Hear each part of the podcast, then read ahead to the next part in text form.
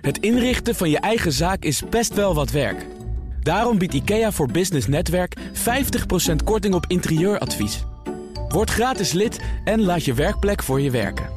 IKEA, een wereld aan ideeën. BNR Nieuwsradio. BNR Zaken doen. Thomas van Zeil. De bonussen van ASR, de problemen van Boeing en integriteit zijn allemaal onderwerpen die voorbij komen in het Boardroom Panel het komende half uur. En dat Boardroom Panel bestaat uit Harmjan de Kluiver, advocaat bij De Brouw Blackstone Westbroek, hoogleraar ondernemingsrecht aan de UVA en verbonden aan de Vereniging Effecten Uitgevende Ondernemingen.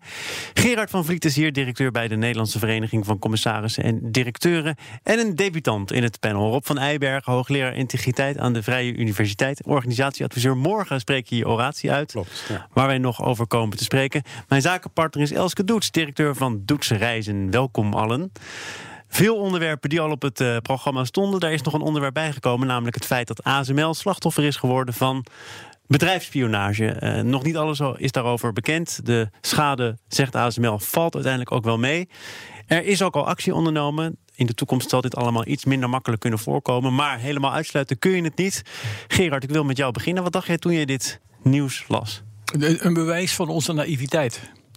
Uh, uh, als je kijkt wat er in de praktijk allemaal al gebeurd is in de jaren die achter ons liggen, aan bedrijfsspionage en dingen die, die gebeurd zijn, het topje van de ijsberg. Ik denk dat er vele malen meer dingen gebeuren als dat jij en ik hebben. Je weet, een goede hacker laat de achterdeur open, maar vertelt niet dat hij binnen geweest is. De slechte hacker, die merk je, de goede niet.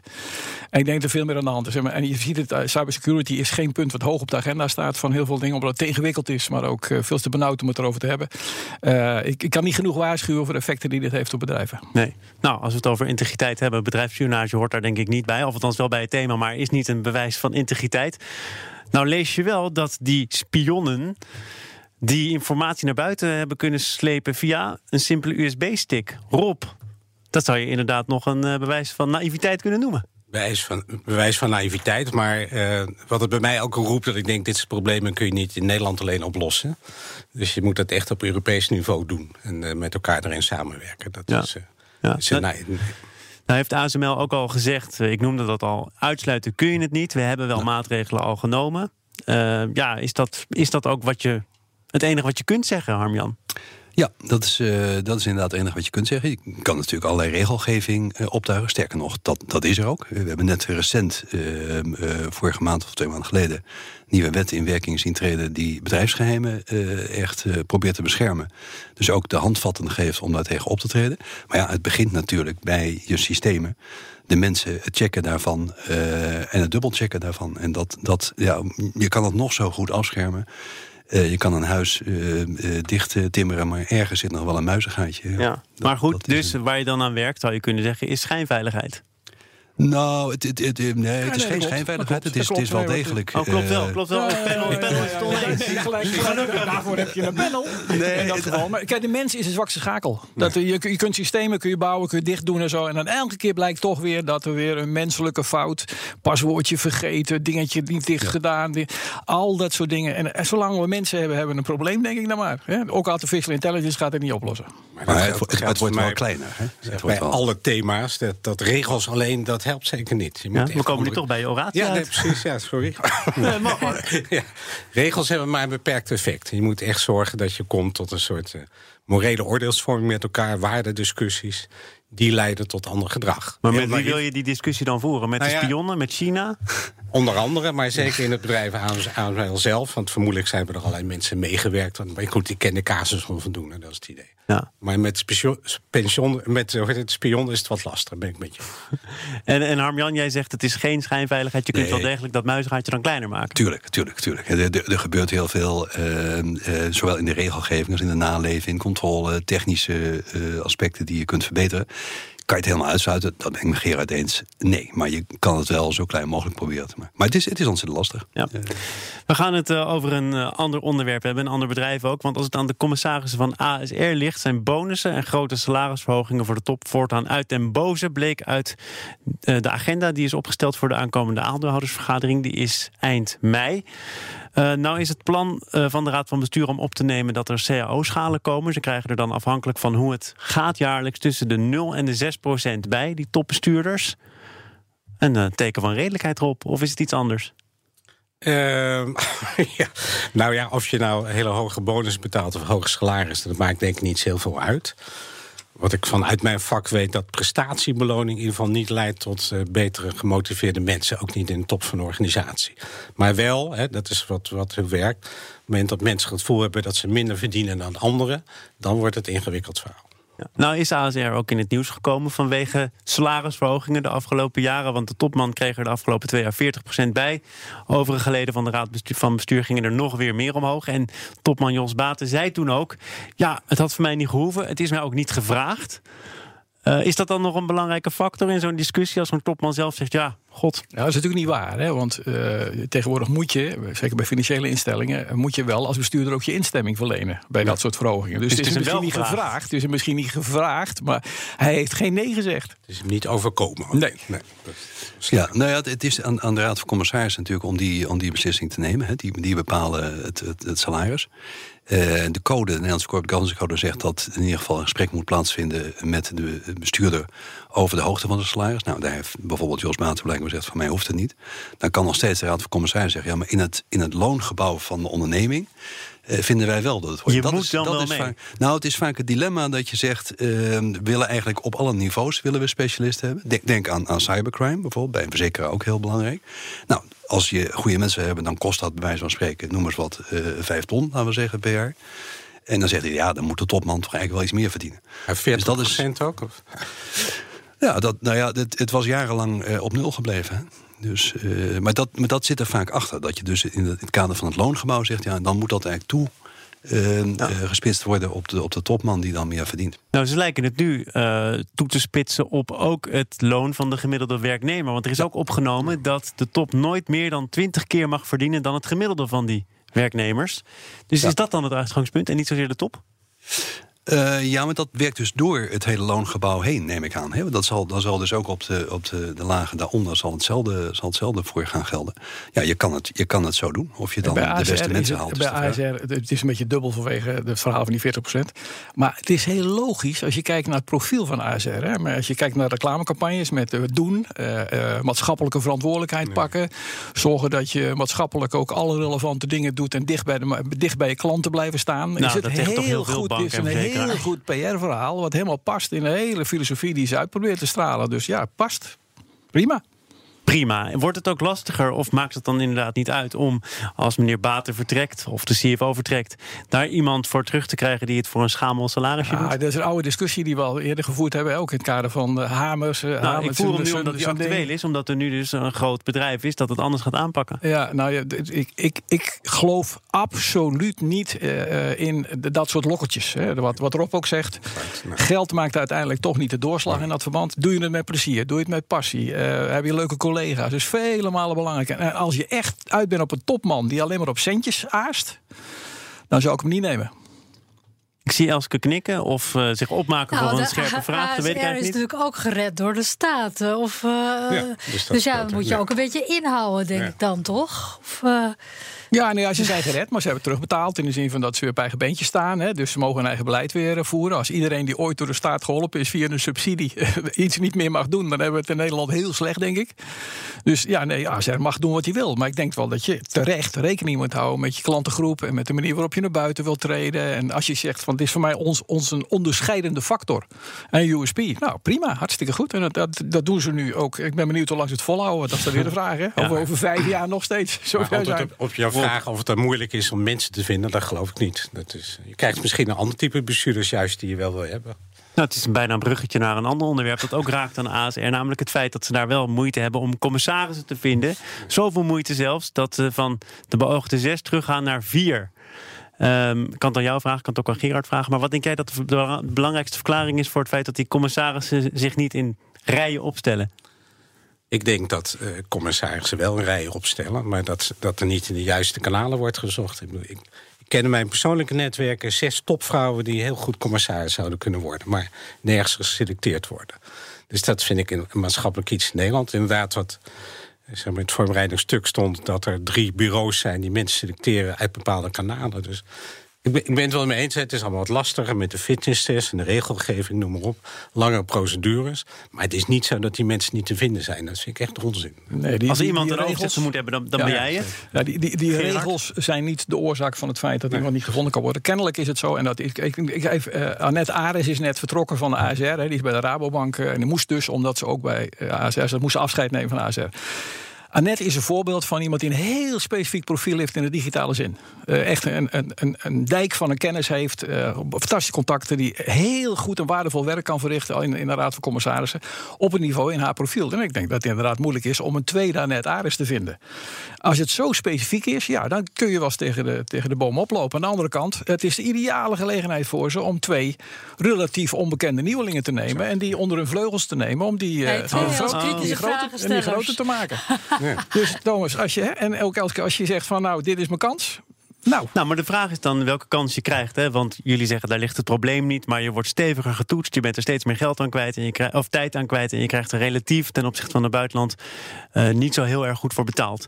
Dat is dus niet ja, maar het is niet de reden, Thomas, dat is niet de reden waarom kandidaten niet willen. Uh, het is echt niet zo dat, dat mensen afhaken omdat ze in plaats van 40.000 geen 60.000 krijgen. Dat is, dat, is, dat, is, dat is mythe, dat is niet zo. Mensen worden gewoon niet geselecteerd, dat is wat ik zie. Dat is, uh... ja, dit, ik zou er toch wel enige nuance op willen aanbrengen. Oh. Uh, we, hebben het hier over een, een verzekeraar, een financiële instelling.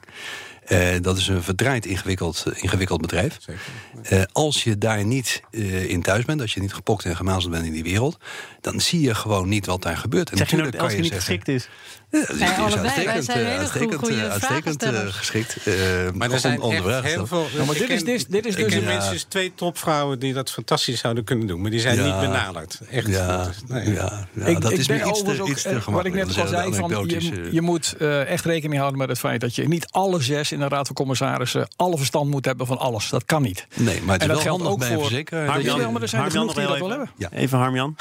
Nou ja, het is wel handig als je bij een verzekering zit... dat je verstand hebt van, van verzekeren. Uh, uh, ik herinner me die, die reclame van jaren geleden. Van, uh, dat toevallig heb ik wel verstand van verzekeren. Dat is wel praktisch als je, als je dat hebt als, als commissaris. Ja, uh, je kan ook zeggen, ja, doet het niet maar gaat, het nou, wel... gaat het nou om skills en houding? Gaat het nou over de houding en integriteit? Of gaat het over het feit dat je veel van verzekeringen weet? Uh, het, het, het, ja. het, laatste. Het laatste is, nou, is voor, mij is, voor mij is dus dat wel bij te leren. Ja. Uh, terwijl dat de houding en de manier waarop je naar bedrijf kijkt niet bij te leren is. BNR Nieuwsradio. BNR Zaken doen. Het eh, Boardroom Panel is het gast en dat bestaat deze week uit Gerard van Vliet, Rob van Eibergen en Harmjan de Kluiver. Mijn zakenpartner is Elske Doets. En Rob, we gaan het hebben over jouw oratie. Dat is uh, morgen een feit. Die vindt dan plaats. Je neemt dan plaats op een uh, nieuwe leerstoel bij de VU over integriteit. Een onderwerp dat ook in dit panel veel besproken is. En je gaat je onder meer richten op welke factoren de schendingen van integriteit nou vergroten of verkleinen. Ja. Ik heb de oratie mogen inzien, 22 pagina's. We gaan hem niet voorlezen. Maar oh, wat zijn belangrijke factoren die ervoor zorgen dat integriteitsschending uh, de kans daarop juist kleiner wordt of groter? Nou, er zijn een aantal dingen wat ik, wat ik benoem. Ik noem het model van de Toxic Triangle. Dat is een combinatie van gedrag van de leidinggevende. We weten inmiddels dat een eh, significant deel van onze bestuurders sterk psychopathische trek hebben. Dus dat is één factor. Tweede is, uit onderzoeken. Tweede is... Ja, ja, ja niet eh, anekdotisch. Het is gewoon een toch? Maar ik ben een beetje bang dat dat ook geldt voor de rest van de bevolking. Nou, dat geldt zeker voor hoogleraars. Ja. nou, het is een significant verschil met medewerkers. Uh, tweede is uh, uh, een cultuur waar ja, mensen heel afhankelijk zijn van het werk. Zoals bijvoorbeeld de nationale politie je bent agent. Het is, het is heel moeilijk om uh, ander werk daarna te vinden. En ook een cultuur waar het niet echt gebruikelijk is om feedback op elkaar te geven. Kun, je dat uitleggen? Dus je bent uh, politieagent of je werkt bij de nationale politie. Dan is de kans dat je daarna iets totaal anders gaat doen best wel klein. Maar wat heeft dat te maken met wel of niet integer handelen? Nou, niet per definitie dat de politie niet integer is. Hè, dat is iets anders. Maar de, nou, bij een organisatie, de politie is een sterke afhankelijkheid... en ook een sterke familiecultuur. Wat het maakt om wat het heel lastig maakt om heel kritisch tegen naar elkaar te zijn. Dat is eigenlijk... Ik ga je even onderbreken, want er komt nu nieuws binnen. Uh, eerder deze uitzending hebben we het gehad over de arrestatie van Julian Assange. En de Amerikanen vragen nu om uitlevering van Assange, zegt de Britse politie. En wij hebben dat van ANP. Als daar andere nieuwe ontwikkelingen zijn, dan hoor je dat uiteraard op uh, eh, BNR. We kunnen nu doorgaan over integriteit.